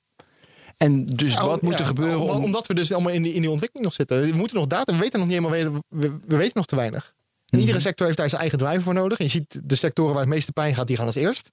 Eh, Er is niet zoveel kennis die het kan, dus die, die focussen ook op die sectoren. Dus ja, weet je, een, een deelfiets van China is leuk. eh, maar de, de pijn bij een waterbedrijf of een hele zware industrie... waar iedere minuut stil liggen een paar miljoen kost... ja, dat is logischer. Dan laat ik dan maar focussen op het, op het verkennen van die motoren... dan dat ik me focus op het ja, maar, nee, maar dus voor jou. Maar waarom is Maar dat... ook in de hele industrie, weet je, die, die hele factor die daar toelevert, zeg maar. Narrowband IoT, het nieuwe netwerk, nu wat het gaat doen, dat is net live kom ik in terug- Nederland, in Nee, de hele wereld. nee, Van de hele wereld is Nederland het testland. Ja, top. Maar kijk, kom ik terug met mijn liftvoorbeeld. Weet je, ik lees dat denk ik, ja, 100, waarom is dat nog niet al lang? Dus wat houdt het tegen dat dat nu een persbericht is? En waarom eh, hadden we dat niet? Je hebt uitgelegd in het begin dat het nu mogelijk is. Maar wat is, een, wat is er voor, Nou, kijk, voor nodig om dat terug breder te krijgen? Eh, vergeet je niet, een, een lift is al heel lang connected. En een brandinstallatie in een huis ook, weet je, in een gebouw. Er zit al gewoon een 2G-modem in. En die, die belt al op naar een alarmcentrale als er iets fout gaat. Je hoeft niet iemand langs te gaan om er ook naar De lift is ook niet zo'n probleem, er zit gewoon een stekker in. Ja, weet je, dus het, het, het klinkt nu leuk, IoT natuurlijk, maar de, de echte use case daarvan was al lang gedaan. Zeg maar. En het, de echte use case van IoT, die, die waar geld verdiend werd, dat, dat doen we al jaren. Eh, we gaan daar nu steeds verder in, omdat het steeds makkelijker. Ik kan de, de, eh, de knoppen veranderen. Zeg maar. Wat vroeger kostte de investering was nog hoger, want ik, ik moest 2G hebben, dan moest dus een stekker aan vast, want ik, had, ik kon echt niet met batterijen doen. Sensoren waren, waren echt duurder. Ja, dan, dan eindigt het bij eh, beveiligingssystemen eh, en op remote manager van hele grote. Nou ja, En, eh, ik heb op- het op idee. afstand van een brug. Laten we laten zeggen, de, al die brughuizen die Ja. bijvoorbeeld de afgelopen jaren in Nederland allemaal zijn weggegaan. Dat die allemaal op afstand zijn bediend. Dat is ook gewoon IoT. Ja. Eh, we hebben, we zijn, de, de- daar was de kostenbaten duidelijk dus zo duidelijk dat het niet meer uitkwam om iedere keer bij iedere brug een wachternit te zetten. En zijn we dat op afstand gaan besturen. Nou, daar was de case dus heel snel gemaakt. Die investering die daarbij hoorde was relatief hoog, maar te doen. Nu zou dat misschien voor een, een honderdste kunnen, maar die case komt toen al uit. Ja, Dus ja, maar ik heb het idee, als ik het hoor, dat het zeg maar standaarden, dat dat het gebrek is. Dat als er meer standaarden zouden zijn, dan hou je, ik heb nu een brug nodig, of ik heb een lift nodig, of ik heb een waterleiding nodig, heb ik, heb ik A, B, C nodig en dat klik ik aan elkaar en we kunnen uitrollen. Dat gevoel heb ik als ik naar jou luister. Ja, misschien ben je gelijk. Als jij nu een standaard sensor zou kopen die zegt: Dit is predictive maintenance. Als je deze op je elektromotor plakt Ja. en hij vertelt tegen jou wanneer die kapot gaat, eh, kost een tientje per maand, go. Precies. Ja. En dat is ook hoe je vaak hoort dat mensen uit die verkopen. Eh, maar helaas is de praktijk daar gewoon niet. Maar nu ga je zelf zitten knutselen en dan weet je. En dan je Nou, al- wat je officieel afkoopt, doet niet wat het belooft. En als het niet doet Ja. wat hij belooft, dan loop je business case, want die zijn niet zo heel breed. Daar moeten we gewoon eerlijk in zijn. Het is niet een no-brainer, zeg maar. Het is niet dat je zegt, oh, als ik hier één cent of een tientje heb, verdien ik 10.000 euro per cent. Zo werkt het niet. Het is marge. Eh, de sensoren zijn nog steeds echt wel prijzig om te maken. Doe je vaak vooronderzoek en Ja, dat maar. jij of de, of de opdrachtgever dan zegt, weet je, we doen het toch maar niet? Ja, dat, ja zeker. Hoeveel procent zelf van ook. de... Of we zeggen, dit kan gewoon, je hoeft dit niet maatwerk te doen, ik koop dit gewoon. Eh, weet je, dat is voor jouw resultaat veel beter. Ook helemaal top. Eh, maar dat is ook, weet je, als we bekijken, we hebben losse afdelingen in ons bedrijf en de researchafdeling die, die houdt zich hiermee bezig. Voordat we ook maar één draadje solderen of één ding, een lettercode type doen we een haalbaarheidsonderzoek, een feasibility study. En, en die moet gewoon kloppen. En daar kijken we, kan het überhaupt? Je, Klopt de, klopt de natuurkunde, klopt de wiskunde? En welk Eh, deel van die feasibility studies leidt er dan toe dat de, opdracht niet doorgaat? Dat je zegt, Ja, bijvoorbeeld een paar jaar doen. geleden met zo'n, met zo'n rolcontainer is dat we, ja, de techniek kan, maar de batterij Ja. komt niet uit. Dus we gaan niet eens, Ja. waarom zou ik gaan Maar piloten? mijn vraag gaat niet om een voorbeeld, maar om, om een percentage. Om een Oh, sorry. Ehm, ja, Natte vinger hoor. Het gaat om een idee. Ik wil gewoon een idee dat, die- als wij er eenmaal voor kiezen om een proof of concept met die, haalbaarheidsstudie met iemand te doen, zijn we er zelf al wel in Dan onderbuik denk je eigenlijk al dat het gaat lukken. Dan, eh, dan ja, daar hebben we Ja. daar wel voor. Dus ik denk dat we uiteindelijk, als wij met een haalbaarheidsstudie, dat wij vanuit de techniek geen reden zien om niet verder te gaan. Dat zal dat eh 20% zijn van alles wat we beginnen. 80% gaat wel door. Ja. Maar dan kan het nog steeds zijn dat vanuit techniek kan het, maar dan misschien de proof of value, zoals we dat noemen, voor de klant, Ja. daar kan ook overschat zijn. Als een, iemand ik. heeft gezegd, ik, ja, als ik allemaal rolcontainers weet, dan bespaar me dat 10 miljoen per jaar op, op transportkosten. Maar ja, als je dat echt aan gaat rekenen, dan blijkt dat toch wel heel erg overdreven te zijn. Eh, dus misschien, ja, dan valt je business case alsnog in elkaar. Dat kan natuurlijk ook gebeuren. Mhm.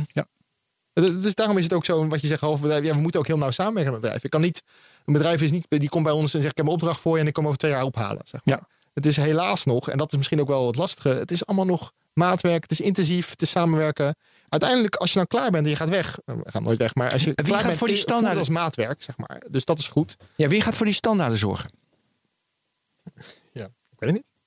Eh, iedereen probeert het. Het is, oh, het is afwachten wie daarop inspringt. Kijk, eh, Inspringt het. ja, dit, eh, dat is inspringt het verkeerde woord. Maar de, de- sommige mensen proberen het. Sommigen zeggen, do- doen het op softwarematig. Die zeggen een, een platform, weet je, een, een IBM of een Microsoft. Die zeggen, we hebben IoT-platformen en daar kan je, je hoeft helemaal geen dashboarding meer te doen. En machine learning, druk bij ons één druk op de knop, zit erin. Dat is leuk, maar als je garbage in is garbage out. Dus als ik een sensor van AliExpress koop en die stop ik erin, dan zegt het nog niks. Anderen bekijken het. Weet je, daarom is het IoT-vlak zo gek. Er zijn zoveel expertise. Als ik het aan Vodafone vraag of aan T-Mobile, die zeggen, ja, dit narrow met IoT-netwerk waar we nu aan het uitrollen zijn, dat geeft de standaard. Nu is de oplossing op alles. Want het LoRa, er was maar niks. Weet je, dat, die, die zullen dat zeggen. Terwijl hij vraagt het aan mij, dan zeg ik, ja, een goede kwaliteit in sensor, als we dat gelijk trekken, dan is dat de oplossing. Eh, en Google zegt, ik maak een operating systemtje, zeg maar, wat op jouw microcontroller werkt, wat op afstand te managen is met, met, Ja. eh, met firmware updates. Want dan hoef je niet, dan kan je namelijk als een software developer gedrag, je Ja. hoeft niet in één keer goed. Als ik maar gewoon zorg dat ik er altijd bij kan, dan kan ik het nog tien jaar lang blijven onderhouden. Terwijl wij denken liever first time right. Eh, Ja. Weet je, dus het is, het is anybody's guess. En ja, dat zal ook niet zomaar antwoorden. Er is niet zoiets als Nou, één maar kijk, oplossing, waarom? maar. Ik moet de hele tijd denken aan een TED-talk die ik was. TED, nou ja, ik zag van de week een filmpje van, hoe heet ze, van Amber Case. En dat ging over calm technology. En je- weet, Herbert, ik heb een bloedhekel aan met, met onzin dingetjes. Ik wil fundamenteel. Ik vind zo'n industrie, weet je, me, weet je eh, dat vind ik mooi. En, nou, maar en onzin dingetjes vind ik onzin. Maar zij vertelde, het is heel goed dat er een scheten-app is geweest. En dat er Yo-app is geweest. Want door een scheten-app gingen mensen voor het eerst het touch gingen ze goed gebruiken. En dan gingen ze eh, hun app verbinden aan geluid. Dus eh, zeg maar twee. Drie is dat 14-jarige jongens ook een app konden bouwen. Dus daardoor ging de industrie, de hele app-industrie, gingen mensen meer apps gebruiken. En daar moet ik heel erg nu aan denken de hele tijd. Omdat jij zegt, wat je standaarden, weet je, te moeilijk, te specifiek. Nee, maar we dan, hebben dan, eigenlijk iets nodig. hoor. Want eh, ik ben, wij zijn juist zo fan van Arduino's, Raspberry Pi's. En eh, de Nest was een prachtig voorbeeld. Weet je? Het feit dat iedereen nu een Bluetooth hub in zijn kamer heeft hangen dat je op aan kan sluiten. En Philips Hue. Weet je, het zijn consumentenvoorbeelden. Ja. Eh, maar ook weet je, ieder IoT-device, zelfs je, je eierwekker, zeg maar, of je eierschaaltje in de koelkast precies, die, bijhoudt, of, of je, of je meer ja. eieren moet kopen. Klopt. Ja, in mijn optiek is dat eh, de Ja, dat variant is- van dat. Ja. Eh, weet je, en de vraag of we nou onze voordeursloten wel of niet met Bluetooth moeten verbinden. Ik zou het niet doen. Maar, de, Waarom niet? maar, de, maar de discussie die het opbrengt, weet je, het feit dat daar iedereen dat reverse engineert en dat er ook een soort public shame is, zeg maar. Weet je, en eh, ook aanrader. Heeft ook eh, zijn nut. Internet of shit, een hele leuke webpagina Tumblr waar je alleen Ja. maar voorbeelden van. eh, Maar je, je- Twitter-account ook. we hebben dit nodig, zeg maar, om inderdaad met elkaar te kijken wat wel en niet Ja. goed is. Ja. En het Hey. moet ook heel speels zijn om ermee te spelen. Weet je, de, de, de- door een Arduino en weet je, de Hackaday of de Instructables van deze wereld, waar je gewoon de hele dag kan plaatsen wat jij met je eh, wifi routertje kan doen. Weet je, we, hebben- we hebben een niet nader noemen medewerker van ons eh, bedrijf die het geweldig vindt om zijn buurmans eh, Spotify eh, Airplay speaker, zeg maar. Eh, uit te zetten op afstand, omdat hij dan vindt dat hij te laat nog muziek aanzet. En dat kan je met een wifi-chip, kan ik heel makkelijk doen alsof ik host ben. En dan eh follow illegaal, dit is puur scientific. Maar eh, zijn, zijn, zijn, met één druk op de knop zet ik zijn speaker uit. Je? En het heeft niks, natuurlijk is het geen product, weet je wel. Maar het feit dat het kan, zeg maar, en dat, hier, dat, dat er dingen voor worden gemaakt. Ja, en het wordt gewoon gedeeld, weet je, google het en je hebt het. Maar Luister, we, we zijn zo ongeveer door de tijd heen. Ik wil eigenlijk vooral nog weten. Ja, spraakwaterval. Ehm, waar staan we over tien jaar? Een half rol container leven na nu? Wat hebben jullie dan bijgedragen aan de wereld? Eh, ik, ik hoop, ja, ik weet dat we in tien jaar is heel lang vooruit, zeg maar. Dus Ja. wat, wat we eigenlijk nu al doen, zeg maar, als ik dat doortrek, eh, dan, dan over tien jaar hebben we echt heel veel devices, echt miljoenen, miljarden devices in het wereld geholpen. Eh, waarin in onze optiek de industrie en eigenlijk daarmee de wereld een heel stuk efficiënt hebben doen draaien. En weet je wat de impact daarvan is? Uiteindelijk, eh, communicatie. Ik ga toch doorpraten, want je zet tijd op. Maar dit is een podcast. Je, hebt, je kan nog een paar minuten langer doen. Ja, no. uren kunnen Ja, we door. daarom. Dus als je Maar helemaal geen kiest reden om het ook te doen. Nee, nee, nee. nee. Oké, nee, maar je kan de, de- we gaan spullen de wereld in helpen. Dus dat Ja. is down. Aan de andere kant, als ik zorg dat ze langer leven, als ik efficiënter mee om kan laten gaan, processen beter laat gaan, ehm efficiënter laat doen. Dat is onze visie Precies. van een duurzame, betere wereld. En, En hou je meer geld over om het duurzaam te maken. En, ja, maar ook, je, je gooit geen batterijen meer weg. Ja. Eh, ik zorg ervoor voor minder vrachtwagens die uitstoot geven in de stad. Eh, ik zorg ervoor dat de motor niet onbewust wordt weggegooid, terwijl die nog honderdduizend jaar mee had kunnen gaan. Eh, in, daar, daar moeten we van hebben. En daar, ja, dat is, daar zijn we trots op. Oké, geweldig. Ben nog een vraag? nee, Oké. dat is goed. John, We top, spraken dankjewel. met John Tillema van TWTG. Dat staat voor The Way to Go. Hè? Dat was het. Ja. Eh, dankjewel. Dankjewel Ben Ja, van den Burg. bedankt, Mijn naam is Herbert Blankenstein. En heel graag tot de volgende Technoloog.